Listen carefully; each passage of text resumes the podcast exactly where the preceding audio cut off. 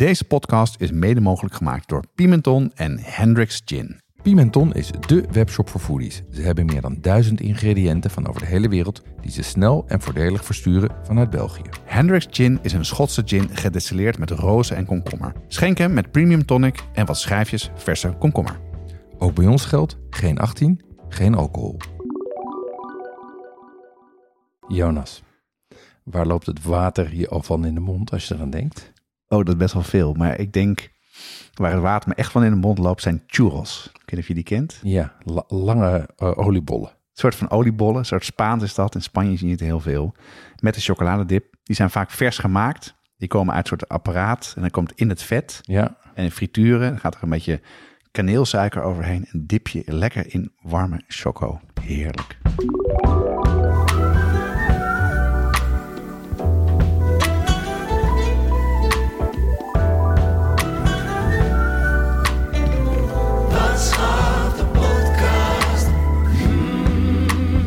Deze aflevering gaat over messen. Ehm, we gaan het hebben over verschillende soorten messen. Hoe je messen eh, kiest en eh, wat in een basisset zou moeten zitten. Hoe onderhoud je ze? Hoe slijp je ze? En ik heb stage gelopen bij messenwinkel en slijperij Firma Moes om zelf messen te leren slijpen. En dat was eh, een ervaring, kan ik vertellen. Jeroen, ehm, volgens mij zat je nog in je drankloze periode. Maar ik zie nu een flesje wijn staan. Hoe, hoe zit dat? ja die, die drankloze periode die heb ik eh, gisteren afgesloten. Oh, dat is wat eerder. ja. Ja. Doe je mij een heel groot plezier. Ja. en hoe, eh, hoe is die periode bevallen bij je dan? Ja, dat, dat was wel, eh, dat was wel inzichtelijk en wel nuttig. Ehm, wat interessant was, in het begin miste ik zeg maar de alcohol wel. Na een paar weken was dat voorbij. Ehm, maar wat overbleef was dat ik echt eh, lekkere wijn bij eten miste. Als ik een grote steak zat te eten, ik ben op een gegeven moment even in Spanje geweest. En daar eh, ging aan tafel kwam een mooie fles Ribeira del Duero voorbij. Ja, eigenlijk voor wijn bij eten heb je geen alternatieven. Dus dat is ook het eerste waar ik weer mee ben begonnen, is gewoon een glaasje wijn bij het eten. Ja, en een glaasje wijn bij de podcast. Ja, en, en eh, daarbij heb ik mij voorgenomen om eh, eh, toch nog weer, nog weer beter en nog weer minder te gaan drinken. En daarvoor, daarbij word ik geholpen door een apparaat, een duivelsapparaat van de firma Coravin. Ja, het is een soort van grijs apparaat. Ja, Nou, leg uit, wat is het? Je schrijf- Jeroen schrijft, Ja. zit er, zo- zit er dan een schrijf jij maar wat je ziet, dan doe ik het even voor. Ja, oeh, een soort van injectienaald zie ik. ja. Nou, zit een beetje te hannissen om het er goed op te krijgen. even kijken, en doe ik dit zo. De injectienaald gaat erin nu. Ja, die gaat door de kurk heen Dat doe je wel heel voorzichtig. en door de capsule heen. Zo, En dan een soort pistool is het bijna. nu zit er een soort, ja, een soort koppeling op. En wat je daarmee dus kan doen... in je glas water Jeroen. Je eerste glas wijn Kijk. sinds lange tijd. Nou, nu Kijk. drukt hij op een knopje. En dan begint het eh, eh, wat borrels in de fles. En dan nu een soort een klein, klein straaltje wijn komt eruit. Ik ben heel benieuwd. Dus dit is beter dan normaal, Jeroen? Ja, en het het, wat het interessante is, wat je hiermee kan doen, is omdat je de kurk er niet uithaalt. Want je snijdt, het is, gaat een injectienaald door de kurk ja, heen. Ja, het is ontwikkeld, ontwikkeld door een, eh, door een medische eh, ingenieur, eh, ingenieur. En die ehm, heeft een systeem, die, eh, zijn vrouw was gestopt met drinken omdat ze eh, zwanger was. En die zocht toen een eh, systeem om eh, eh, wel wijn te kunnen drinken, maar waardoor die ook zo goede flessen kon bewaren. En die kwam toen hierop uit. En wat het doet, is het is een naald die gaat door de kurk heen. Ehm, en door die naald wordt door een heel klein buisje eh, argongas in die fles gepompt. Oh, ook En- het gas nog steeds. Ja, er zit hier gas in. Ah, ja. en ehm, eh, van die capsules die, je die je ook altijd vindt op, eh, op hangplekken. Ehm, voor hangjongeren. Ja, je weet wat ik bedoel. Ik weet precies wat je bedoelt. Precies. En die duwt, dat argongas duwt dus de wijn eruit. Duwt het in je glas. En eh, dan, kan ik, dan trek ik zo meteen, kijk, dat zal ik ook laten zien. Trek ik dus die Coravin trek ik eruit. Ja. En ik trek nu dat hele apparaat eruit. En dan sluit die kurk, die sluit zich weer vanzelf. Omdat die eh, naald zo dun is, ehm, dat, die, eh, dat die kurk eigenlijk zich weer, weer sluit. En dan kan je hem gewoon weer wegleggen. En als het goed is, kan je dit weken, maanden, zelfs jaren goed houden. En er zit dus toch ook nog een soort laagje argon eh, ja. over de wijn, zodat het geen niet oxideert met, de- met zuurstof, wat er dan eventueel in Precies, wat er nu eigenlijk in zit, is, eh, is, is je ziet, nou, die fles is nu voor een derde leeg. En daarboven zit dus argon eh, en helemaal geen zuurstof. En hoe kom je hier aan, Jeroen? Ik heb deze gekregen van de firma Coravin. Die hebben, ik heb ze ge- gebeld, gezegd, goh, kunnen we zo'n apparaat eens testen? Ze zeiden, dat is prima. En wat drinken we, Jeroen? Wat wij drinken is een, is een eh, wijn uit de Alpen, een Vin de Savoie, een La Comtesse Blanche. En als je hem ruikt, dan ruik je al dat hij vol is en complex. Hij is mooi geel. En, en eh, hij heeft hout gehad. Lekker is die. Ja. Veel lengte. Proeft een beetje roomboter. Ehm proeft een beetje geel fruit. Ja, een bittertje ook een klein, Klein beetje. bittertje. Ja. En, ehm, en de belofte is dus dat deze ehm, weken en maanden goed blijft. Dus wat ik voorstel is dat we deze gewoon even bij mij in de koelkast leggen. En eh, bij de laatste aflevering van het jaar hem weer eens even gaan testen. En kijken of hij dan nog steeds lekker is. Dat is een goeie. Nou, dus we drinken weer wijn. Proost. Hartstikke goed. En een hele lekkere wijn. Nou, wat heb jij de afgelopen tijd eh, uitgesproken, Jeroen, culinair? Nou, ik heb niks gedronken, dus ik had heel veel tijd over. en geld. Maar we gaan nu een experiment in de podcast doen. Volgens mij is het eerste glaasje wat Jeroen drinkt. Dus heel langzamerhand zal je wat vrolijker worden. Vrolijk en baldadig. Ja, ehm, nee, wat, even kijken, wat heb ik gedaan? Ik heb zelf sambal gemaakt. Oh, lachen joh. Hoe heb je, hoe heb je dat gedaan dan? Ja, ik had van de, de zak, heb ik al eens eerder over verteld, eh, had ik een enorme hoeveelheid pepers gekregen. Daar kreeg je elke week krijg je een zak met groenten, maar daar zat, elke week zat er daar weet ik wat 10 of 20 pepers in. Ja? Ehm, en toen dacht ik op een gegeven moment, ja, wat moet ik daarmee? Dus daar heb ik toen heb ik eh, sambal van gemaakt. Eh, eigenlijk heel makkelijk door ze gewoon te pureren in de keukenmachine. En ze vervolgens met, ehm, eh, met knoflook en ui en een beetje gember en een beetje limoenblad te bakken. En dat is een buitengewoon smakelijk sambaltje geworden. En dus natuurlijk altijd bij jou is altijd de, de ultieme test om een van je zonen te laten proeven. Ja. Wat vond hij ervan? Vonden zij ervan? Ja, die vonden hem heerlijk. En ik heb hier bovendien ook nog een Indo in de straat. Die heb ik ook een potje gegeven. En die zei ook, ik heb nog nooit een potje zo snel leeg gegeten. Dus Oh, wat goed. het enige is dat ik weet niet meer precies wat ik erin heb gegooid. want ik heb een beetje geïmproviseerd. Dus ik denk dat dit een one-off is. Oké. Hey, en verder? Ehm, verder hebben wij het eh, nieuwe boek van Francesca Kookt eh, gekregen. Die is eh, luisteraar van, van de show en bekend op Instagram. Ehm, die heeft een kookboek uitgebracht. 365 dagen koken met, met de seizoenen. Ehm, en dat is een kookboek met spelletjes erbij om aan tafel over eten te praten. En we hebben twee leden van de brigade gevraagd dat te testen. Nou, het is dan bedoeld, een spelletje denk ik dan met kinderen vooral, hè? Ja, het is bedoeld om eigenlijk spelenderwijs over eten en zo te praten met de kinderen. ja, leuk. Ehm, en die hebben we dus laten testen door twee leden. Robert, die heeft twee tieners thuis en die is heel enthousiast. Ja, vertel. Ehm, nou, die zei het zijn lekkere en duidelijke recepten waarmee hij eh, een aantal dagen zijn gezin heeft verrast. Ehm, vooral de daal met pompoen was een succes, terwijl zijn dochter normaal helemaal niet van pompoen en linzen houdt. Oké. En eh, de andere tester is Judith. Die heeft eh, twee jonge kinderen en die vond de recepten op het eerste gezicht weinig spannend. Maar bij haar klopte ze ook en ze vond het ontzettend lekker. Ze was vooral heel enthousiast over de tomatensoep en de Surinaamse bami. En zij heeft jongere kinderen als in, wat hoe oud? Ja, het- even uit mijn hoofd, onder de tien. Oké, ja, ja. Dus de, potentieel moeilijke eters. Dus. Ja. ja. Ja, en eh, de recepten vond ze goed, maar de spelletjes sloegen bij haar thuis niet echt aan. Hoezo dan? Eh, de kinderen van Robert vonden die wel leuk. Ja, wat ze zelf zei is, ja, de kinderen vonden een paar vragen wel leuk, maar de medewerking was er niet echt. En ze zegt zelf ook, ja, ik was niet zo creatief en geduldig dat ik na een drukke dag nog vrolijk allemaal gekke dingen ga doen tijdens het eten. Dat herken ik wel. oh, heel erg, joh. Dus ze zegt eigenlijk van ja, er zitten veel leuke dingen in en voor een spel is het maximaal. Maar je moet je ook überhaupt afvragen of je eigenlijk tijdens de, de avondstress, de avondspits, wel zin hebt om dat soort spelletjes te doen. Ja, ja, leuk. Hey, en je had het over Surinaamse bami. hè? Ja. Die had eh, Robert gemaakt. Die had Robert gemaakt, daar was hij heel enthousiast over. Daar heb ik eerder mensen al enthousiast over gehoord. Weet je waar je die mee maakt? Surinaamse baan. Die maak je met spaghetti. Serieus? Ja, Oh, wat lachen, joh. ja. Dus, eh, eh, dus dat recept zetten we even op de site. Ah, leuk.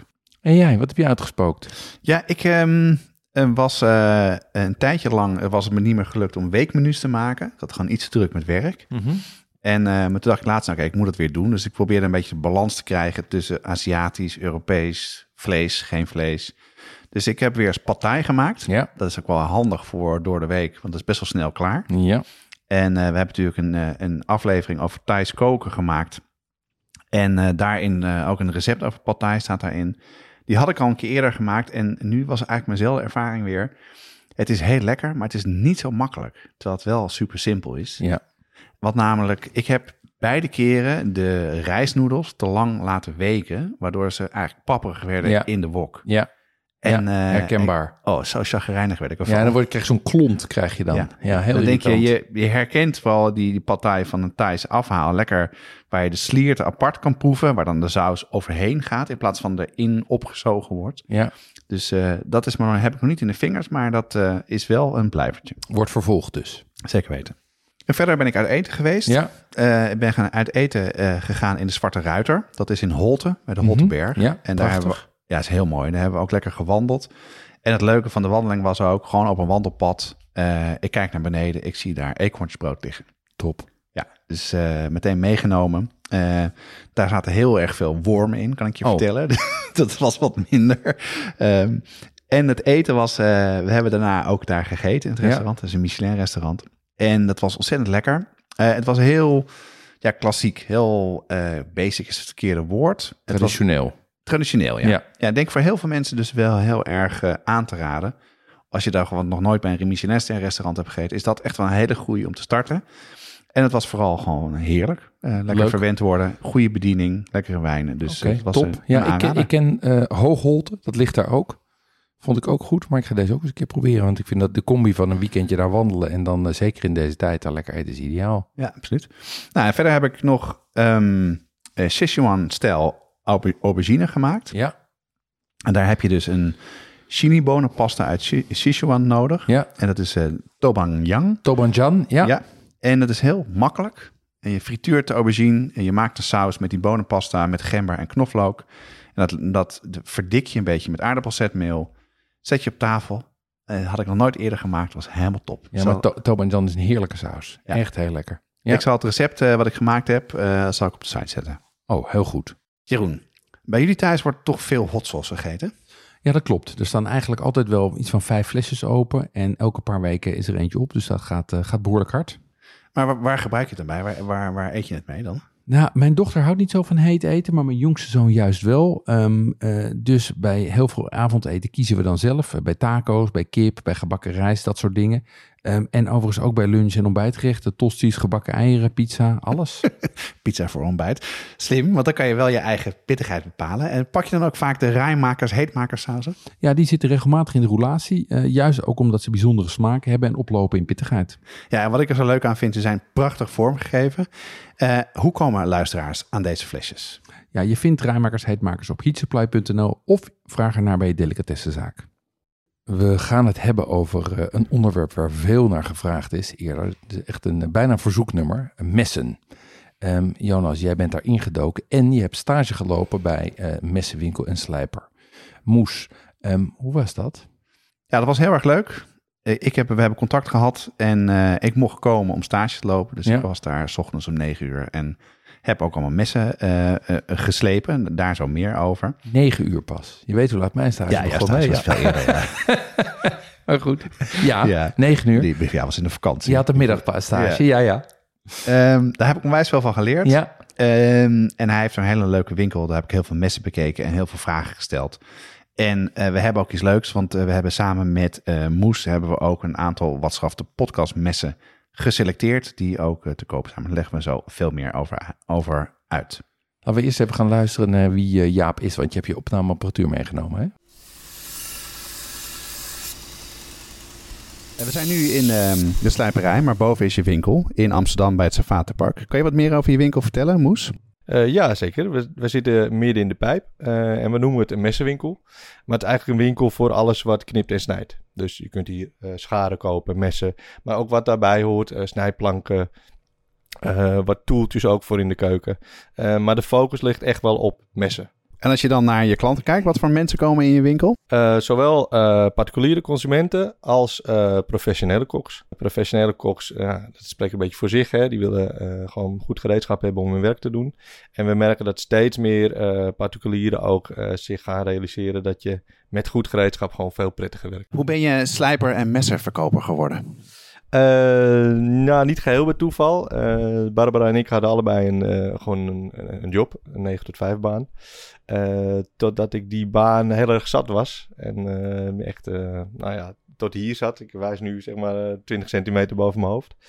En we op een vakantie het daarover hadden van ja, hoe, hoe zit jij in je vel en hoe zit ik in mijn vel. En toen hebben we besloten van nou, we gaan aan je vader vragen of we de zaak kunnen overnemen. En zo gezegd, zo gedaan. Oh, wat grappig. Dus dan ben je van... En wat deed je daarvoor dan? Eh, ik werkte bij eh Versatel, een telecombedrijf. Daar was ik eh, service manager, dus ik zorgde dat de klanten juist bediend werden, de contracten nagekomen werden. En, maar ik heb wel zelf een technische achtergrond. Ik heb een werktuigbouwkundige opleiding. Dus dat bleef ook altijd wel een beetje kriebelen natuurlijk, het werken met je handen.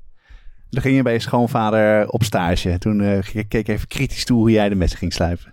Ja, dat was wel een voorwaarde van hem. Van we gaan eerst kijken of je het in je vingers hebt, het slijpwerk. Want dat is natuurlijk een voorwaarde. Als je eh, een winkel met slijperij eh, wilt bestieren, dan moet je wel kunnen slijpen. Dus hij zei van ja, dan gaan we eerst kijken of je dat in je vingers hebt en of ik, of ik je dat kan leren. Nou, dat is gelukt. Laten we even beginnen bij het begin, eh, Jonas. Waarom zijn goede messen belangrijk? Nou, en als eerste is het je basisgereedschap in de keuken. Ja. Alles wat dus kleiner gemaakt en gesneden moet worden, daar heb je een mes voor nodig. En ik ben er toch al wel achter, het heeft er vooral mee te maken dat messen scherp zijn. Ja. Dat het dus makkelijk gaat. Veel mensen kennen wel het aardappelschilmesje, eh, wat makkelijk en goedkoop is. Dat is heel snel bot, Ja. dus het is heel onhandig. En daarnaast heb je zo dat eh, bepaalde messen voor bepaald gebruik ja, geoptimaliseerd zijn. Eh, als je veel grote groenten moet maken, ja, en met een klein aardappelschilmesje kan je niet goed hakken. Heb je een ander mes voor nodig.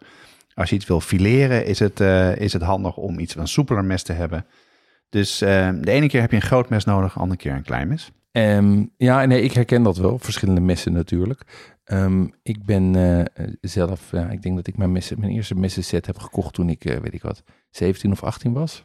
En ehm, eh, ik, ik vind het, goede messen zijn essentieel. Ik vind het ook altijd een horror om bij iemand anders in de keuken te komen. Of nog erger in een huurhuis. In een, zeker als het zo'n zo'n zo'n bungalowtje is ergens waar dan Vertel Jeroen. Ja. Je hebt de ervaring volgens mij. eh, ik, ben, eh, ik, ben, eh, laat, ik ben laatst een, een week in Spanje geweest in een prachtig huurhuis. En daar lagen echt alleen maar waardeloze messen. Het was een hele goede keuken, maar alleen maar ja, botte, slechte messen. eh, en, en nee, maar dat is verschrikkelijk. Want ik bedoel, ook een ui kan je niet normaal snipperen zonder een scherp mes. Nee, zeker, En, zeker een en, en als je, we, ik heb, daar- we hebben daar prachtige eh eh, chuletons, zeg maar, cote bus gebarbecued. Ja, als je die dus uit elkaar gaat snijden met een, als je die gaat proberen te snijden met een bos mes, dan trek je hem uit elkaar, dan Ja. scheur je hem. Ja, zonde. Ja, dat is, dat is horror. Dus ik neem eigenlijk altijd, als ik op, op vakantie ga, neem ik een mes mee. Ik heb altijd mijn opinel bij me. En als ik weet dat ik ergens wat langer zit, dan neem ik vaak ook wel één of twee, eh, één of twee gewoon goede messen mee. Want ik word gek zonder goede Ja, messen. heel erg maar Ik heb ook vaak met mijn messen mee. Ja. Ja. Ehm, laten we eens even bij dat, bij, bij dat mes beginnen. Want ehm, een, een mes is natuurlijk gemaakt van staal ehm, of iets anders. Wat zijn de belangrijkste materialen eh, die je hebt bij, eh, voor een mes? Ja, wat, wat je niet moet hebben zijn messen die van plaatstaal gemaakt zijn. Dat zijn gewoon messen die een soort van gestanst, gestampt uit een, uit een, eh, Uit een plaat? uit een plaat Ja. is. Dat is vaak niet gesmeed, is niet hard. En wat je wel moet hebben is gesmeed staal. Dat Mhm. eh, bewerkt wordt met de verschillende temperaturen. Vaak zijn er ook verschillende eh metallagen over elkaar heen Ja. gevouwen. Eh, en daar krijg je een heel hard, scherp en ook vooral heel gebalanceerd mes mee, wat lekker in je hand ligt. Oké, geen plaatstaal, wel gesmeed staal. Ja, daar heb je verschillende eh, soorten in. De meeste, wat we wel kennen, is roestvrij, sta- roestvrij staal. Ja. Eh, dat zijn vooral Europese messen. Mhm. Eh, die zijn over het algemeen van wat zachter staal gemaakt. Ehm, waardoor ze makkelijker zelf te, te slijpen zijn. ja. Ze roesten ook niet. Mhm. En ze zijn wat zwaarder en dikker. En dat ligt vaak gewoon lekker in je hand. Ja. En dat is de ene kant. En je hebt ook carbonmessen, eh, carbonstaal. En daar zit meer carbon in het staal. Het staal is harder. Ja. Ehm, waardoor het veel dunner kan zijn dan normale Europese ja, messen. snap ik. Dus lichter Ja. en dus makkelijker te snijden. En eh, omdat het harder is, blijft het langer scherp. En dan kan je de, scher- de, de hoek waarin je het in, snij- eh, ook veel ehm, minder Scherper. scherper maken. Dus eh, minder, minder een, een kleinere hoek maken. Mhm. Het nadeel is wel, omdat het heel hard is, kan het heel snel sneller kapot gaan. Kunnen Ja. sneller dingetjes uitgaan. Zeker als je bijvoorbeeld een mes gebruikt om door een bot heen te gaan. Nou, dan is dan carbonstaal minder geschikt daarvoor. Het kan sneller kapot. Maar het is, het is heel fijn om vast te pakken en mee te snijden. Oké. Je, hebt ook kera- je hebt ook keramische messen, toch? Je hebt ook keramische messen, ja. Ja. Nou, dat is dus, eh, het is een soort van poeder, waar, eh, een soort van steensoort. Ja. Vaak met poeder gemaakt. Ja. En dan, het is keihard. Ja, eh, waardoor het ook bijna niet goed te slijpen is. Met normale dingen heb je speciale stenen voor nodig om ze te slijpen. En gaan heel vaak eh, kapot. Net zoals met die eh carbonstalen messen die veel in Japan voorkomen. Ehm, dus ja, wat je heel vaak, het risico wat je daarmee hebt, dat je soms gewoon wel keramische stukjes van het mes opeet. Omdat het gewoon met het snijden Oh ja. erin gaat. Dus ja ik heb ook wel eens, ik heb ook wel eens meegemaakt in een professionele keuken dat iemand zijn eh, keramische mes op de grond liet vallen en dat spat gewoon uit Gewoon elkaar. weg, ja. Dat is gewoon weg. dus ik zou ja. die vooral eh, links laten liggen. Ja. Over die hardheid, je hebt daar een, een schaal voor, de Rockwell Scale of Hardness Part C. Ehm, en die drukt in een aantal, aantal eenheden uit hoe hard iets is. En wat je ziet is dat Europese messen over het algemeen tussen de 54 en de 58 zijn. 54 is meer Frans, 58 is meer Duits. Japanse messen die zitten daarboven eigenlijk. Die zitten op 58 tot 66 HRC. Ehm, en dat komt dus door het hogere carbongehalte. ehm, waardoor ze, wat jij zegt, harder zijn, maar ook brozer. Ja. Dus ze zijn wel iets kwetsbaarder. Ja, ja, absoluut. Ehm, en, en waar komen, want we hebben het nu al even over de landen, maar kan je iets specifieker zijn over waar die, waar die goede messen dan vandaan komen? Ja, als je daar, daar verder induikt, dan heb je eigenlijk een soort van hoofdindeling tussen Europa en Japan. Ja, En eh, in Europa eh, is Duitsland nu eigenlijk het grootste. mhm. En het maffe is, dat komt allemaal uit hetzelfde dorp, Solingen. ja, Daar zijn hele bekende merken, zijn Woesthof en Zwilling. ja, Eh, dat is gewoon hele goede staalkwaliteit en hele goede constructie. Ook het, gewoon het vakwerk van het maken van een mes. Het zijn ongetwijfeld ge- staalsteden, omdat daar ook staal werd gevonden vroeger. Zou mij niks verbazen. Ja. zal vast en zeker, ja. Ja. Nou, dan heb je in Zwitserland heb je Victorinox. Die ken je wel van de zakmessen. Ga je me nou zeggen dat ik met een Zwitsers zakmes in de keuken moet gaan staan snijden? Ja, dat moet je zou minder doen. Oké. Eh, ze maken ook messen, maar ze zijn meer bekend van, eh, van Van de zakmessen. zakmessen, ja. Ja. En dan Frankrijk. En dat is wel Mhm. interessant. Want er zijn toch wel merken die de meeste mensen kennen. Zoals Opinel, Sabatier en Laguiole. Ja, Eh, waar Laguiole vooral bekend is van de steekmessen. ja. Hè, dus de, Zakmessen, steekmessen. Stakmessen en steekmessen met zo'n bijtje als een logo wat, Mhm. er, wat erbij zit. Maar het nadeel is, eh Opinel is een beschermd merk. Ja, ja, Dus als je een Opinel koopt, koop je ook echt een Opinel. ja. Maar eh Sabatier en Laguiole dus niet. Dus Maar Sab- dat zijn toch gewoon merken? ja, het zijn geen beschermde merken. Dus iedereen kan een Sabatier mes maken. Oh ja? En het Sabatier noemen. En iedereen kan een Laguiole mes maken. Nou, dat zou je wel herkennen. Ja, van. Laguiole weet ik dat. Ik ben, ik ben in Aubrac geweest, waar eh, dus Laguiole de Aubrac. En daar heb je een enorme hoeveelheid winkels die Laguiole messen verkopen. Ook die gewoon made in China zijn, zeg maar. Ja, ja, en vaak zie je daar dus ook van die ribbeltjes in zitten. En heel licht met plastic heften. Nou, meteen, Plaatstaal. meteen. Nou, Ja, heel goed, plaatstaal. geluisterd. Ja, meteen weggooien, nooit kopen. Nee. Klinkt heel erg leuk, hè? Je bent in Frankrijk en je doet dat. Nou, wij zijn ook in Frankrijk geweest. Eh, en toen hebben we heel lang gezocht naar goede messen. Uiteindelijk in Cahors uitgekomen. Mhm. Wat eh, niet per se in die hele buurt van Laguiole zit, maar daar wat, wat onder Boven. volgens mij. Of boven. Boven volgens mij ligt. Ja. Cahors is in de... Ja. In, ja, en daar achter op een plein, achter een kerk, kwamen we bij een messenwinkel, bij een couturier. Mhm. En daar vonden we echt fantastische, mooie messen. En wat toen we die gingen kopen eh, van, eh van Laguiole, toen zei die man ook dat hij de veertiende generatie messenmaker was in dat dorp. Wauw. Ja. En dit waren Laguiole messen. Ja, ja. Laguiole de Aubrac die je in Cahors koopt. Oké, Misschien nee, wel. dat ja, ja. Maar dus mocht je dat willen, ze zijn er wel, maar je moet echt heel goed zoeken. Ja, ja wij, wij hebben datzelfde proces doorgemaakt. Wij, zijn, wij hebben ze wel in Aubrac gekocht, maar bij een van de twee winkels waar ze het ook al, nou ja, het- ik weet niet of het 14 generaties, maar lang doen. En dan zijn ze ook gewoon duur. Ik bedoel, zo Ja. simpel is het natuurlijk ook. Goede messen zijn duur, want het is vaak grotendeels handwerk. Ja, en die, die, wij eh, gebruiken ze vooral als we steak eten. En dan maken ze goed schoon en leggen ze weer weg. Oké. Dan heb je nog Japans. Ja, En daar heb je eigenlijk, dat is de laatste tijd veel meer in zwang gekomen. Dan heb je eigenlijk twee soorten. Je hebt Europees geslepen messen, zoals Ja. we ge- gewend zijn, van beide kanten geslepen. mhm. En je hebt Japans geslepen messen, waarvan één kant scherp is. Ja. Dat kennen we wat meer uit sushi-restaurants, Ja. dat soort dingen. ja, ja, ik heb één zo'n mes. En dit is Zo'n eenkantig geslepen mes. Dat, is, dat blijft bloedscherp, maar het is, het is ook ingewikkeld werken, want het, het, het, het eh, wijkt ook af, zeg maar, als je snijdt. Dus het stuurt een beetje weg van de snede. Dus ik vond dat, ja, ik herken dat, eh, ik herken die messen wel. Dus als jij eh omakase sushi gaat maken, dan moet je misschien zo'n mes hebben, maar dat is niet per se nodig. Nee. Oké, dus wij richten ons even vooral op, op Duits en Japans. Ehm, zullen we eens even kijken naar de type messen die je hebt? Ehm, wat voor soorten en maten heb je? Nou, je hebt wat ik al aan het begin zei, dus heel veel verschillende messen voor elk soort type werk wat je doet. Uh-huh. Ik denk dat er een aantal belangrijke zijn, eh, de koksmessen. Ja, En dat zijn, die zijn groot. Eh, wat er vooral heel belangrijk in is, dat je dus als je het heft vasthoudt met je hand en je legt het mes op een snijvlak, op een snijplank, dat er ruimte tussen de snijplank en je knokkels zit. Dus Oh dat ja. je met de snijbeweging, dus van, eh, van boven naar beneden, dat je niet de hele tijd met je hand op het, op, eh, op het, op het eh, ehm, je snijplank zit. snijplank zit. Ja. Ja. En dat verschilt dus heel erg met hoe groot je hand is. Mhm. En ehm, nou, mijn vrouw bijvoorbeeld, die heeft kleinere handen, die hebben kleiner messen voor. Oké. Dat is eigenlijk wat je het meeste ziet. Dan heb je santokus. Ja. Dat zijn Japanse messen. Dat is eigenlijk hetzelfde als een koksmes. Die gebruik je dus ook eh, voor verschillende dingen. Dus vlees, vis en groenten. Mhm. Maar die heeft een iets andere vorm. Die heeft meer een recht snijflank. En die punt buigt van boven krom naar beneden. Ja, En sommige hebben van die deukjes in de zijkant zitten. ja, En dat is dus eh, vooral bedoeld dat, dat eh, het eten er niet aan blijft plakken. ja, niet zich vastzuigt, maar Ja. losvalt.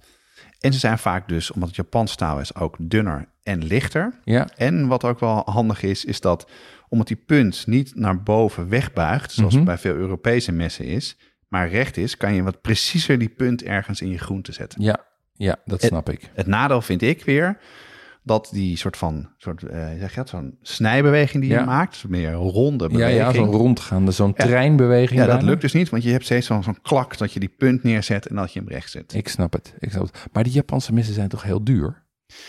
Ja, dat valt dus wel mee. Oké. Ja, dat, is dus, eh, dat dacht ik dus ook. Ja, En dat eh, vroeg ik ook aan Jaap en die liet me ook gewoon de prijzen zien. Ja, dat valt echt serieus mee. Nou, ik denk zelfs bijna goedkoper als je een goed instapmes wil hebben voor koksmessen.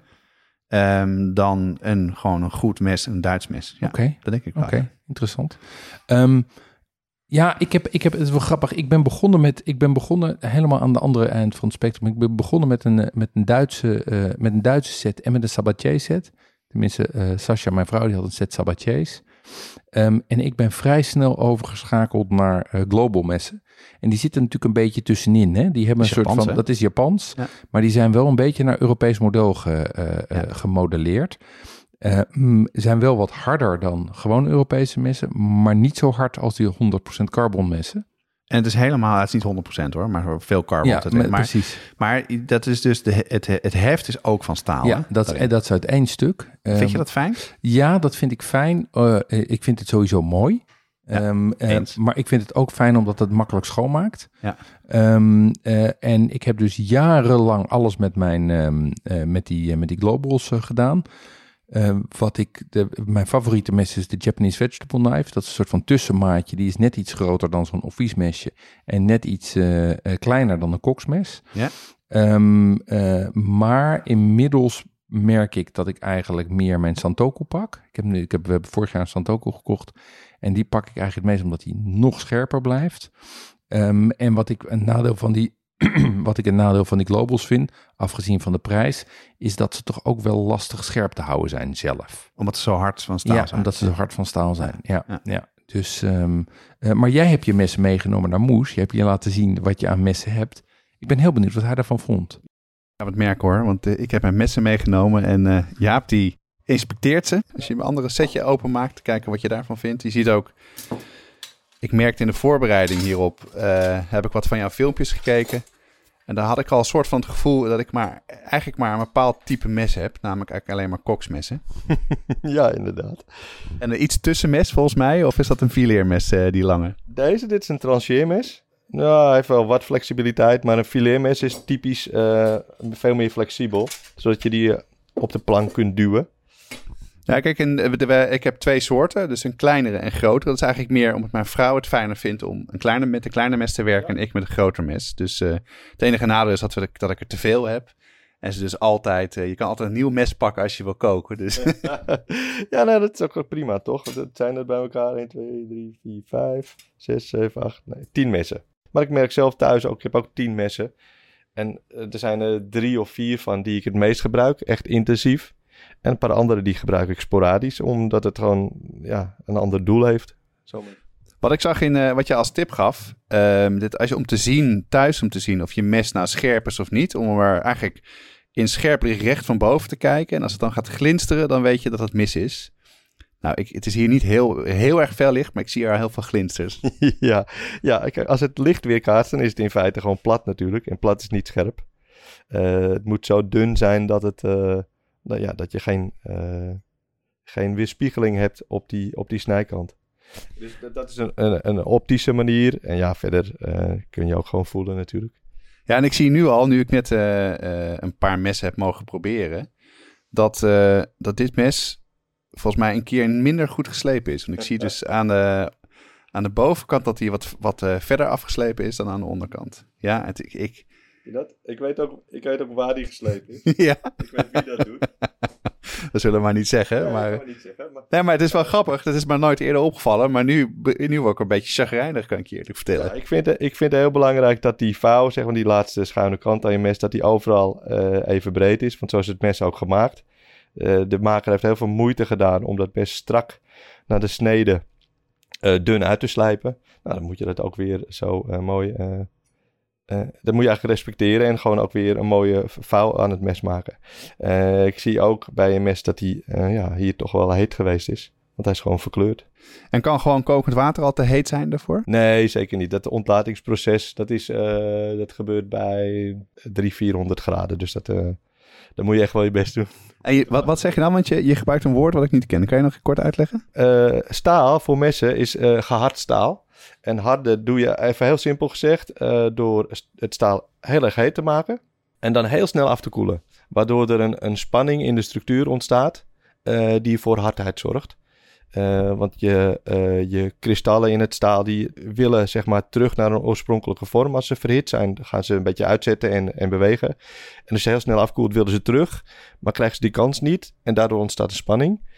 En die spanning is, als je een mes gehad hebt, uh, staal gehad hebt, is die spanning nog te hoog om het werkbaar te maken. Dus dan is het mes eigenlijk te hard en te bros dus. En dan ga je hem uh, uh, gecontroleerd ga je hem weer wat zachter maken. En dat heet ontlaten.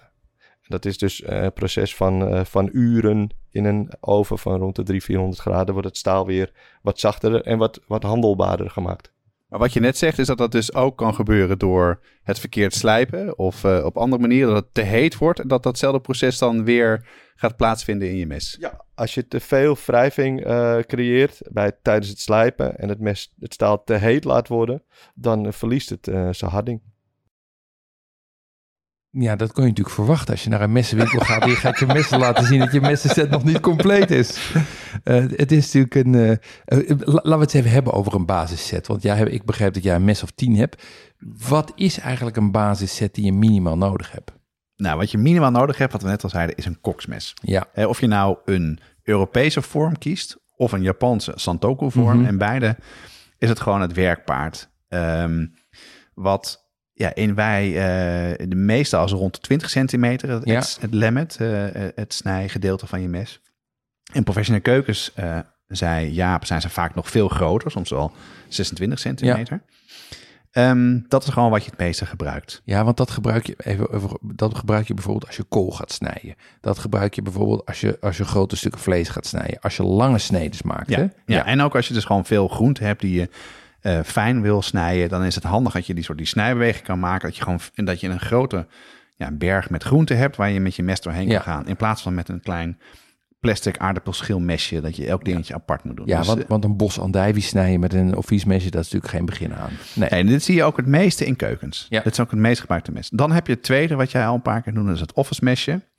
Of office mesje. Mhm. Ehm, en dat is eigenlijk voor werk wat je dicht bij je hand moet hebben. Ja. Stel dat je een ui moet pellen, Ja. dan is het handig om een klein mesje te hebben wat je in je hand hebt zitten, die, eh, die een soort van ja, makkelijke beweging kan maken, overal bij kan komen. En dus eigenlijk het idee is, is een, eh, en dat doe ik bijvoorbeeld zelf niet, maar ga ik nu wel doen na dit hele, eh, na al mijn research, is je pakt het kleine mesje om het vel eraf te halen. Je pelt hem, je legt hem neer en dan pak je je koksmes om bijvoorbeeld fijner te gaan Ja, snijden. ja, ja, dat offiesmesje gebruik je ook om de kroontjes uit je aardbeien te halen. Om je aardappels te schillen. Om eigenlijk al dat kleine, fijne, snelle werk. Exact, al Ja. die dingen. Ja. Ja. Eh, eh, dat is eigenlijk al genoeg. Ja. Een groot werkpaard, eh, wat lekker in de hand ligt en een klein mesje voor het kleine werk. En ik merkte dat ik bijvoorbeeld een tussenmes mis, Mhm. universeel mes. Ja, En koksmes is vaak een, het, het snijgedeelte, het, lem, het lemmet is breed. Ja. Hè, dus dat je ook door, door grote dingen heen kan snijden. Mhm. En, een, eh, en een universeel mes is dat veel smaller. Ja. Dus je kan ook makkelijk snellere kleine bewegingen maken om iets snel schoon te maken of te doen. En het, is wat, het heeft een wat langer eh, blad, waardoor je ook wat meer dingen kan doen. Dus dat is een soort van tussenmesje wat je heel snel zou pakken als je koksmes gewoon net te onhandig, te groot of te klunky is. Ja, en je offiesmesje net te klein. Exact, exact ja. Ja, dus eigenlijk heb je in een goede basismessenset twee dingen nodig. Een koksmes en een offiesmes. Ja, en dan zou je dus een derde kunnen doen, een universeel mes. Die heb ik dus een mooie pansmes bij, eh, bij Jaap gekocht. Tuurlijk. En, eh, en, en, en dan, goed, dan heb je dus die drie. Ehm, stel nou dat je, want jij, jij zit ook al op tien. Wat is nog zinnig om daarbij te kopen? Wat heeft nog, wat heeft nog zin om, om, wat zijn je uitbreidingsmogelijkheden? Nou, wat ik met die 10 moet doen, daar ga ik gewoon de helft ook van weg doen, heb ik al besloten. Oh, Want ja. die, mijn probleem is, ik heb te veel van hetzelfde. Ja, En ik ben lui met, eh, met schoonmaken. Dus Ja. dan liggen er gewoon een hele hoop met messen in een hoek. En dan pak Ja. je gewoon weer een nieuw mes als je haast hebt. ja, Eh, dus dat is onzin eigenlijk. Ehm, maar wat daarvoor in de plaats komt, is bijvoorbeeld een fileermes. Wat je kan gebruiken om eh, een, een, een vis te fileren, om de vel eraf te halen. Ja. Dat moet een heel flexibel lemmet hebben. Dus het snijgen, dat moet heel flexibel zijn. Dan moet je op, op een snijplank kunnen drukken. En dat moet dan gewoon de vorm van dat, van dat vis bijvoorbeeld kunnen, kunnen aanhouden. Ja. Daar kan je een heel duur mes voor kopen, maar je kan er ook gewoon een goedkoop mes voor kopen. Je gebruikt het niet superveel. En dat was ook een tip van Jaap. Doe nou gewoon een mes van, nou wat is het? Heb jij er eentje? ja, ik heb er eentje. Ja, ik heb, ik heb ook van een Duits merk, maar ook niet duur. Drie tientjes of Ja, zoiets. zoiets. en waarvoor ik hem bijvoorbeeld gebruik, is om het vlies van een stuk vlees af te snijden. Ja, Als je dat zilvervlies van een, van een oshaas afsnijdt, of je, wilt, of je wilt de zalm van zijn vel snijden, dan kan je hem zo plat drukken dat hij bijna op de plank ligt, dat er een heel klein dun ruimtetje is tussen je plank en je, eh, eh, en je mes. En daar trek je dan eigenlijk je product doorheen, zodat dat, nou ja, dat vel eraf valt. Dat is handig. Je hoeft niet op te passen dat het breekt, hè, want daar is het mes eigenlijk opgesneden en opgemaakt. Ja, klopt. Nou, een tweede wat je kan hebben, zeker als je veel eh, vlees wil uitbenen, is een uitbeenmes. Ja. Dat zie je heel veel bij slagerijen. Mhm. En dat is een mesje wat ehm, eigenlijk holvormig is. Hè, dus dat het over een bot heen kan gaan. Ja. Maar dat hou je anders vast. Waar je normaal eigenlijk je wijsvinger en je duim het dichtst bij het snijgedeelte hebt. Mhm. En je pink eigenlijk achter. Eh, haal je het mes meer andersom vast. Dus Ja, je- alsof je iemand gaat steken eigenlijk, hè? ja, dus eh, het is eigenlijk onderhands. Dus je, je, je, je pink zit eigenlijk bij het snijgedeelte en je houdt hem goed stevig vast. En dat je dus met, ja, ik, eh, ik bedoel een beetje, het is niet te zien in de Trekkende podcast. bewegingen Trekkende beweging maken, Ja. dat je dus heel snel overal bij kan zijn. En ook daarvan zei, ja, zei Jaap van, ja, doe nou ook een goedkoop mes. Vooral let vooral op het, op het, op het heft van het mes, het, wat je vastpakt, dat het heel stevig is. Want heel vaak wordt vlees vet. Ja. En dan heb je het risico dus dat je dus heel bezig bent en op een gegeven moment je, ja, dat het mes door je hand glijdt en dat je dan eh, het snijgedeelte vastpakt. Auw. Ja. Ja. ja. nee, die, die heb ik ook. Die heb ik recent gekocht. Vooral inderdaad om, eh, om, om dingen uit te benen. Om, eh, om, om gevogelte uit te snijden en dat soort dingen. Ja, dus als je dat heel veel, heel veel doet, nou, dan kan je een wat duurder mes kopen. En als je het gewoon af en toe doet, dan is een prima, een goed kwaliteit mes voldoende, maar dat hoeft niet heel duur te zijn. Oké. Dan heb je nog het, het trancheermes, het Ja. vleesmes. Ja. Nou, dat, dat merk ik als je bijvoorbeeld eh, Duitse basissets ko- eh, koopt, staat het er niet meer bij. Nee. Want ik vroeger wel, ik had ook een sabatier vroeger eh, van mijn vader gekregen. Dat heb ik nog steeds. En dat is een wat, wat langer mes, wat, wat, wat minder breed zodat je ook makkelijker door vlees heen kan en wat flexibeler. Ja, dat is, eh, ik, dat is dat toevallige mes wat ik ook recent heb gekocht, zo'n trancheermes. Dat is vooral heel fijn als je een rosbief hebt en die wil je aan tafel uitsnijden. Ja. Of als je, eh, eh, of dat soort dingen. Als je Cote buff van de barbecue. De buff van de barbecue die je mooi wil trancheren. ja, en, die dik koopt en dan eh, in plakjes wil snijden en daar wil opdienen. Daar is dat perfect voor. Ja. Of, een, eh, ehm, of een kip die je wil snijden of dat soort dingen. ja, klopt. Dan kom je nog wel in de categorie van ja, leuk, maar niet per se heel erg nodig. Dat zijn de ham en het zalmmes. Mhm. Dat kennen sommige mensen wel. Dat is een heel ja, dun lang mes Ja, met een ronde punt, dus geen scherpe punt. En met allemaal van die hapjes eruit. ja, En eh, dat is eigenlijk dat is ook heel flexibel. Dat is bedoeld om bijvoorbeeld zalm te snijden. Kleine plakjes gerookte zalm ja. te snijden. Of als je zo'n hele gemond serrano hebt met de kerst of zo, is dat... eh, ja. Ja, die, ehm, Ja, en als die- laatste Die heb ik niet. heb je niet. Die heb ik niet. Van het hele niet. lijstje, deze heb ik niet. En als laatste, en dat is eigenlijk een must als je veel eh zuurdijzenbrood maakt, is een goed broodmes. Ja, kie.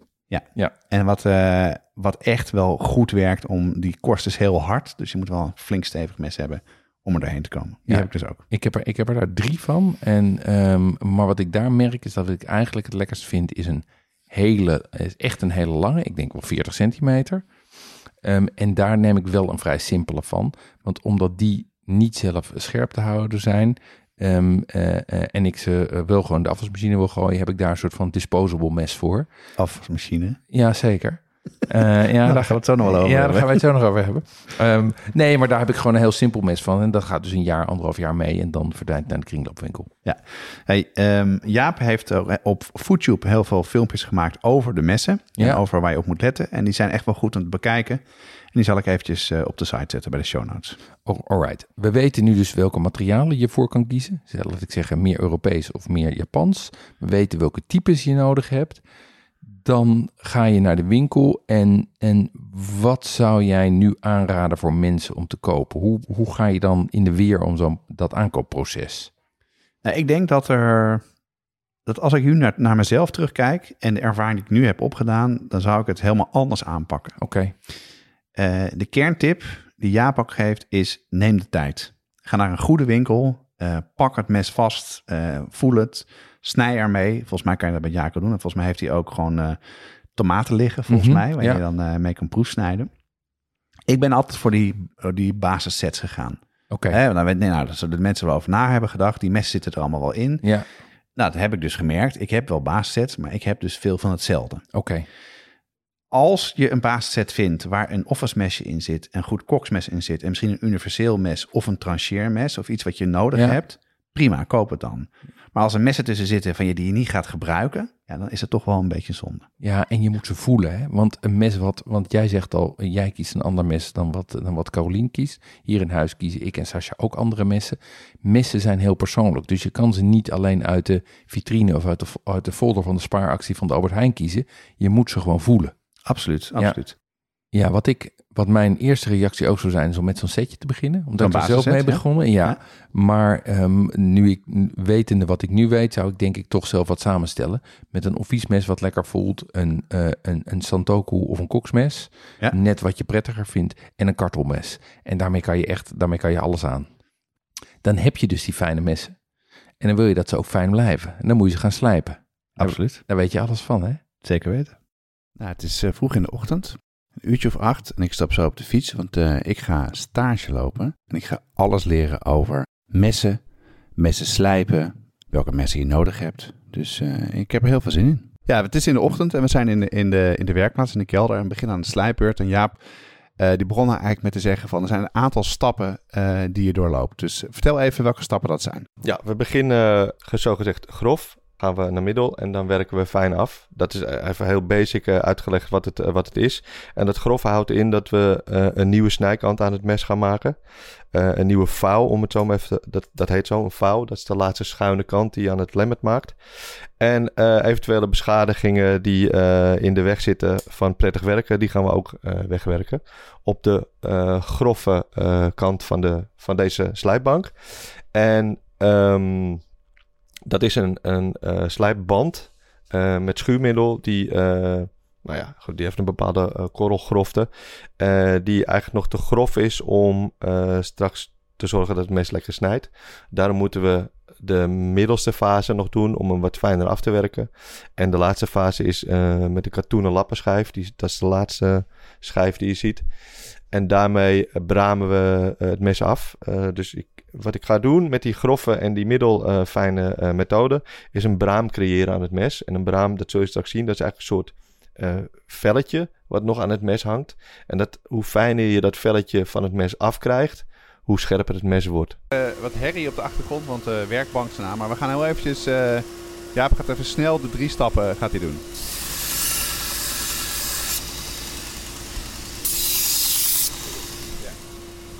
Nou, ik ben heel even uit de werkplaats gelopen om... Um, nou, ik heb net zelf geprobeerd om een mes te slijpen. Dat ziet er echt verduiveld simpel uit als, uh, als Jaap het doet. Uh, je moet een bepaalde hoek houden. Je moet het goed uh, strak houden. Dus ik mocht alleen maar met een, met een demo mes het proberen. Dat was maar goed ook. Want dat is echt zo ontzettend ingewikkeld. Veel ingewikkelder dan je denkt. Ehm, eigenlijk met mijn rechterhand ging het best wel goed. Maar je moet natuurlijk ook omdraaien en met links doen. En dan wordt het echt eh, veel complexer. Het plan was dat ik eh, mijn eigen messen ging slijpen, maar ik weet niet of ik dat ga doen. Ik weet niet of dat heel erg, eh, heel erg slim is. Uh, op de achtergrond is Jaap druk bezig om even snel wat van zijn restaurantklanten te helpen. Daar haalt hij de messen op en de volgende dag brengt hij ze weer langs. Zodat een restaurant altijd scherpe messen heeft, maar niet hoeft te wachten op, op een bestelling. Nou Jaap, we zijn klaar. hoe heb ik het gedaan? Ja, best keurig. Ja, het viel me niet tegen. En uh, je ging er ook vol goede moed in. Dus uh, ja, echt uh, tevreden. Ja. Ben je nu heel beleefd? Of, nee, nee, nee, nee. Je hebt echt wel, wel, wel gevoel voor. Ja. Nou, dat is goed om te werken. Nou, het was, ja, het was heel beleefd hoor, dat kan ik wel vertellen. het was echt ontzettend moeilijk. Het ziet er heel simpel uit, zoals Jaap zei. Hoeveel jaar ervaring, Jaap? Uh, 15 jaar bijna. Ja, 15 jaar ervaring. En dat had ik door toen ik het zelf ging doen. Toen uh, ging ik helemaal de mist in. Dus en dat klonk hartstikke leuk. En ik ben ook wel een beetje jaloers dat je met die mooie apparaten van, uh, van Jaap hebt mogen, mogen spelen. Um, als we nou proberen samen te vatten, hè, wat, wat heb jij geleerd over, het, over messen slijpen? Nou, wat ik geleerd heb, is dat, dat ik er niet meer normaal naar messen kan kijken. Ik merk ook bij jou beneden dat ik die dat ik messen pakte om meteen te kijken hoe, hoe ze eruit zien. En het belangrijkste is dat het snijgedeelte, er moet een soort evenwichtige snij uh, ja, lijn hebben. Het moet overal even dik zijn, overal even mooi zijn. En dat is dus heel erg moeilijk. Ja, pakt. En je moet een mes vastpakken met je duim erop en goed vastpakken in een hoek van 20 uh, graden. En dan één keer zo van de punt naar achter zo een vloeiende beweging recht doen. En als je hem dan goed doet, zoals Jaap het kan, dan is hij mooi, mooi en mooi recht. En dan komt een soort van wappert er een soort van uh, metaaldingetje aan. Uh, hoe dunner dat is, hoe meer, hoe beter en scherp je die gekregen hebt. Ja, voor de mensen, voor de mensen die podcast luisteren. Um, Jonas maakte net het gebaar, eigenlijk een, een, beweging alsof hij, alsof hij een, een winkelwagentje wegslingert. um, uh, als, zo moet je het mes dus langs de, de, slijp, uh, langs, langs de slijpband halen. Moeilijk. Um, ja, moeilijk? Ja, zo moeilijk. Want het ziet er heel simpel uit. Ja. Uh, maar je moet in één keer de juiste hoek hebben. Nou, ik weet niet of jij 20 graden uit je hoofd gewoon zo gewoon vastpakken. En het moet recht zijn, et cetera. Nou, wat het uiteindelijk is, is dat het wordt een soort van V-vorm. Ja. En uh, een vouw is dat. En die vouw kan uh, kapot zijn. Ja. Dus, of hij kan omgebogen zijn. Oké. Okay. Nou, en dat kan je checken door wat Jaap al zei. Als je het mes onder het licht houdt en je kijkt er dus een, een licht van boven. -huh. En dan zie je van schitteringen. Als er schitteringen op zitten, is het bot. Oké. Okay. En dan moet je ermee aan de slag. Dus als ik veel zie weer kaatsen, dan moet ik slijpen. Dat kan ik toch ook gewoon met zo'n aanzetstaal doen? Ja, ja en nee. Um, je hebt van die ronde aanzetstalen, ja. die, uh, die wat, wat traditioneler zijn. Ja, met van die ribbeltjes? Ja, ja. en daar kan je eigenlijk niet mee slijpen. Oké. Okay. Je slijpt geen geen uh, metaal van je mes af. Oké. Okay. Het enige wat je doet is je buigt die vouw, dat veetje, met heel dun aan het einde buig je terug. Oké. Okay.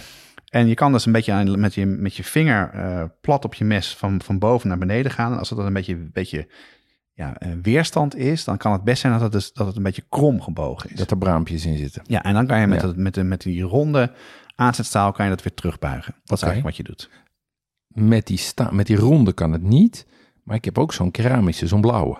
Ja, ja en dat is, daar slijp je mee. Daar slijp je en, mee. En daar moet je dus echt heel erg goed mee opletten. Dat je het dus netjes doet. Ja. Dat je de juiste hoek hebt. 20 graden voor een Europees mes en 15 graden voor een Santoku Japans mes. En het moet vloeiend van de tip tot het heft gaan. En uh, de beste manier uh, is om recht op je, op je uh, aanrecht te zetten. Mm -hmm. flinke vuist vasthouden. En dan het mes goed neerzetten en een vloeiende beweging naar je toe trekken. Maar dan ga je van de heft naar de tip, niet andersom. Ja, je hebt gelijk. Andersom.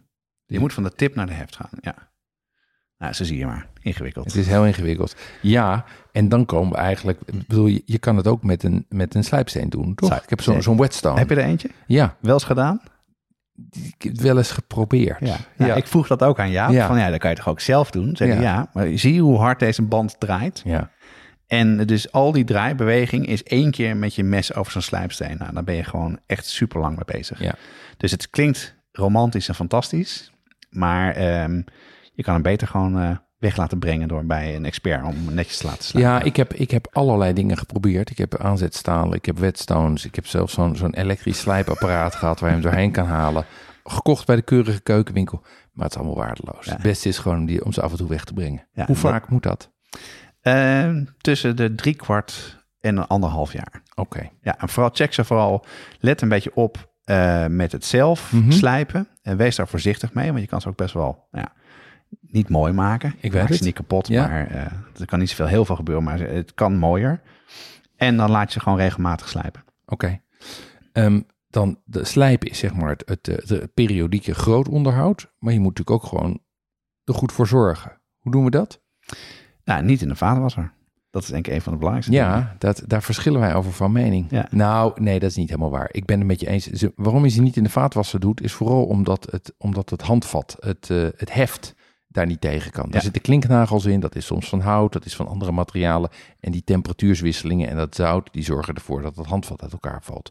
Maar als je zo, die globals hebt bijvoorbeeld, zoals ik, die van RWS zijn, dat is één stuk. Ja. En de andere reden om het niet te doen is omdat ze in de afwasmachine heen en weer klet, tegen elkaar ketsen en zo.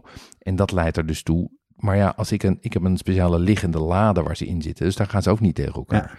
Dus ik durf ze wel in de afwasmachine te doen. En daarbij is het ook een afweging die ik bijvoorbeeld ook heb met mijn kristalglas. Ja, is de keuze, ga ik ze dan zelf... Een kristalglas mag eigenlijk ook niet in de afwasmachine, want dat corrodeert. Dan is de afweging, koop, ga ik ofwel 500 keer afwassen... of koop ik af en toe een nieuw glas of een nieuw mes. Ja, ik zou ze toch nooit in de vaatwasser doen. Ik doe het ook niet met mijn messen, maar wel met mijn glazen. Nou, wat je verder moet doen is dat als je ze gebruikt hebt, dat je ze snel afwas met lauw water. Ja. Met eh, niet-agressieve zeep. Nou, Mhm. dat de meeste mensen wel hebben. Goed afdrogen en eh, ja, niet in een la leggen. Want een la kan dus ook, als dat niet v- een, speciale messenla is, waar je ze dus in weglegt en ze niet kunnen bewegen, dan ga je hetzelfde krijgen als in de vaatwasser, wat je net zei. Dan rammen ze tegen elkaar en dan gaan ze kapot. Dus eh, eh, gebruik een messenblok of eh, hang ze op aan een magneet. Dat eh, werkt het beste. Ja, ja wat, ik, wat ik doe daarmee is, ik heb, een, eh, ik heb zo'n eh, zo'n zo'n messen, zo'n magnetisch ophangsysteem van hout. Dus dat ze daar ook niet op beschadigen, zo'n knife stick. Ja. Ehm, daar zitten al mijn courantenmessen op. Die heb ik recent gehoord, een ideaal eh, ding. Ehm, ik heb mijn incouranten messen wel in een lade, maar die liggen dan in een, die heb ik dan ingevouwen in een, ehm, in een theedoek. dat ze niet ja. tegen elkaar aan kunnen botsen. En wat ik doe, is ik heb eigenlijk een soort ro- eh, roulatiesysteem. Want ik heb net geteld, ik heb 16 verschillende messen. Daar zitten net als, jou, als jij heel veel dubbels bij. Of vier koksmessen bijvoorbeeld. Eh, maar wat ik dus doe, is ik laat ze allemaal slijpen. En vervolgens gebruik ik ze een half jaar, drie kwart jaar. En dan wissel ik ze met een scherpe variant. Ah ja, en dan slim. eh, bespaar ik dus zeg maar mijn... Maar dat is gewoon omdat ik niet al te vaak naar de messenwinkel wil. Ja, ja, precies. Want elke keer als ik naar de messenwinkel ga, kom ik terug met een nieuw mes. Dit is het probleem wordt steeds groter, ja. Laten we eens, en, en mijn, mijn laatste ademwinst is over een Japans mes. En daar heeft, eh, daar heeft Jaap ook wat interessants over te vertellen. door je messenwinkel lopen, dan heb je veel Japanse messen. En, eh, en best wel veel verschillende soorten ook en eh, verschillende prijsklasses. Wat is het verhaal met die Japanse mensen? Waarom heb je er zoveel? Eh, deels gewoon een, een, een voorkeur. Omdat ik het eh, allemaal veel mooier gemaakt vind met meer aandacht en eh, eh, van betere materialen. Het is allemaal wat sexier, hè? dus het spreekt wat meer aan voor, voor klanten. Zeker voor, voor eh, ehm, de professionele koks, die willen daar toch graag mee werken. En Europese messen, hebben we het over Duits of Spaans, of, zijn eigenlijk altijd heel traditioneel. En wat je ziet als ze proberen dat wat minder traditioneel te maken, dat ze allerlei fratsen eh, uithalen om het mes dan spannend te maken. En dat kun je wel vergelijken met Japans, want dat is ook heel traditioneel. Maar voor ons niet zo eh old school. Snap je wat ik bedoel? Ja, ik snap het. Want ik, ik, jij, je was ook een van mijn messen die volgens mij zo Japans gemaakt was. Daar, eh, daar, daar ging je wenkbrauw een beetje van omhoog. Vond je niet zo mooi, hè? nee, dat vind ik echt een heel lelijk mes. En dat zegt dan niks over hoe het, hoe het werkt, want het kan heel fijn zijn. Maar hij is niet fraai. Nee. Nee, dat is mijn favoriete mes namelijk. Ehm, we, je hebt een aantal messen voor eh, luisteraars van, eh, van de podcast uitgekozen en voor leden van de brigade. Welke messen heb je, heb je uitgekozen en waarom?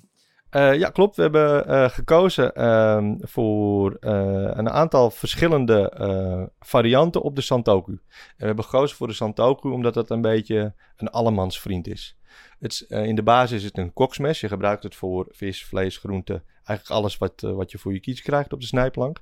En het is een wat compactere uitvoering van het koksmes. waardoor je dat toch wel heel snel pakt altijd. En het werkt heel prettig. Voor, zo- voor zowel mannen als vrouwen. En eh, in, die, eh, in dat model Santoku hebben we drie variaties. Eén mes waar, eh, ja, waar ik gek op ben, is van carbonstaal gemaakt. Eh, dus het gaat verkleuren en het gaat, ja, als je niet goed oplet, gaat het roesten. Maar dat is niet de bedoeling. Maar eh, gaat verkleuren. eh, maar wat je daarvoor terugkrijgt, is dat het veel langer scherp blijft en veel makkelijker zelf te onderhouden is. We hebben dan ook nog een eh, roestvaste variant. Die, eh, die is dus veel makkelijker in onderhoud. En eh, ook van heel mooi staal gemaakt, maar toch even anders dan carbonstaal. En we hebben een wat voordeligere variant gekozen die ja, wat toegankelijker is en wat, wat makkelijker ook, om zo maar even te zeggen. En die is ook dan van roestvrij straal. Dus die... Ja, die is ook roestvrij en met een kunststof hefje, dus wat makkelijker in, in onderhoud en schoonmaken en, en schoonhouden. Ja, hartstikke bedankt. En ook fantastisch dat ik, eh, dat ik even stage mocht lopen. En eh, ik hoop niet dat ik mijn eigen messen te veel mishandeld heb. Nou, dat ga je eh, morgen wel merken tijdens het koken of vanavond. Ja, misschien mijn vingers waar ik in ga snijden. Dankjewel. Goed, we hebben dus eh, met Jaap drie messen gekozen. Een, eh, een Santoku, die is eh, van drie lagen met een kernlaag van carbonstaal. Die verkleurt een beetje, zodat die wordt wat grijzer. Krijgt een patina dat hem beschermt. En die heeft een magnolia houten heftje. Ehm, en dat is een mes van 90 euro. Eh, dat ziet er prachtig uit. En ik heb, we hebben ongeveer dat mes. Is, mijn favoriet op dit Ja. moment. Van mij ook. Ja. Dan hebben we een Satake Santoku. Die is van eh roestvast staal. Drie laags met een hele harde eh, roestvaste kernlaag. Ehm, en het oppervlak is eh, eh, opgeruwd tegen plakken. Dus dan hoef je niet die lelijke eh, hobbeltjes erin te hebben. Die heeft een heft van bruin pakkahout. Wat is gestabiliseerd met kunsthars. En die ligt super lekker in de hand. Die is 89 euro. Ehm, En die is mooi, Jeroen. Hm? Die heb ik gezien. Die is zo mooi. Ja? Ja, oh, dat is echt... Heb je die gekocht? Nou, dat ga ik misschien wel Ja. voor op de verlanglijst. En dan hebben we eh, de Santoku Kai Wasabi of de Suncraft Senzo. Die kosten allebei maar 50 euro. Dat bedoel ik. Ehm, en die zijn roestvrij en die zijn eigenlijk in kwaliteit vergelijkbaar met die eerdere messen. Ehm, maar zijn qua afwerking wat minder chic, zijn minder eye-catchers, maar zijn super eh, voordelige messen. En wat je hier ook ziet, ik bedoel, voor 50 euro heb je geen eh Duits of Frans koksmes. Dus dit is echt een aanrader. Ja, deze messen hebben we samen met Jaap eh, geselecteerd. Ehm, als je wil, kan je er een mooi logo op laten zetten. En die zijn te bestellen op onze website, eh watschafdepodcast.nl in de webshop. Dus even zoeken naar shop. Speciaal voor brigadeleden heb je, krijg je 15% korting als je deze messen bestelt via onze site. Tot aan kerst. Dus een mooi kerstcadeau voor jezelf of voor je vrouw of man. En eh, informatie daarover ontvang je per e-mail. En daar, eh, je krijgt ook 10% korting als brigadelid in de winkel zelf. Als je daar naartoe gaat en eh, ding- dingen koopt. Ook daarover ontvang je meer informatie per e-mail. Alright, mooie acties Jonas. En heel veel informatie om te verwerken. Laten we nog even samenvatten. 1. Neem de tijd om een mes te kiezen. 2. Kies voor Duitse of Japanse messen. Die zijn het hardst en blijven het langst scherp. Een basisset bevat eigenlijk een koksmes, een offiesmes en eventueel een universeel mes. Ehm, als je wil weten of je messen nog scherp zijn, kijk er dan van bovenop en dan kan je zien als hij weerspiegelt, is hij bot. Ehm, je onderhoudt hem met een aanzetstaal of een slijpstaaf. Dat hoef je niet elke keer te doen, maar wel eens in de week. Ehm, en wees zuinig op je messen en berg ze goed op. En niet in de vaatwasser. En liever niet in de vaatwasser.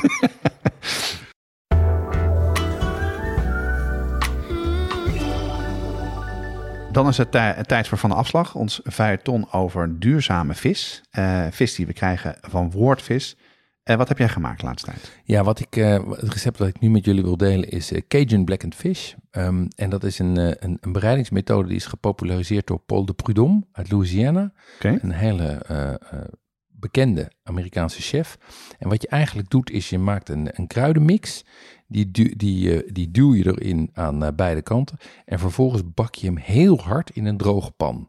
En door die kruidenmix blijft hij niet plakken. En wordt die, ehm, eh, die, die laag, die wordt een beetje zwart. En Dat geeft een hele lekkere, eh, een hele lekkere kruidige smaak. En die serveer ik een beetje afhankelijk van het seizoen. Ofwel met een bonenstoof, een bonensalade of bijvoorbeeld een pilaf. Klinkt goed zeg. Recept op de site, toch? Recept op de site.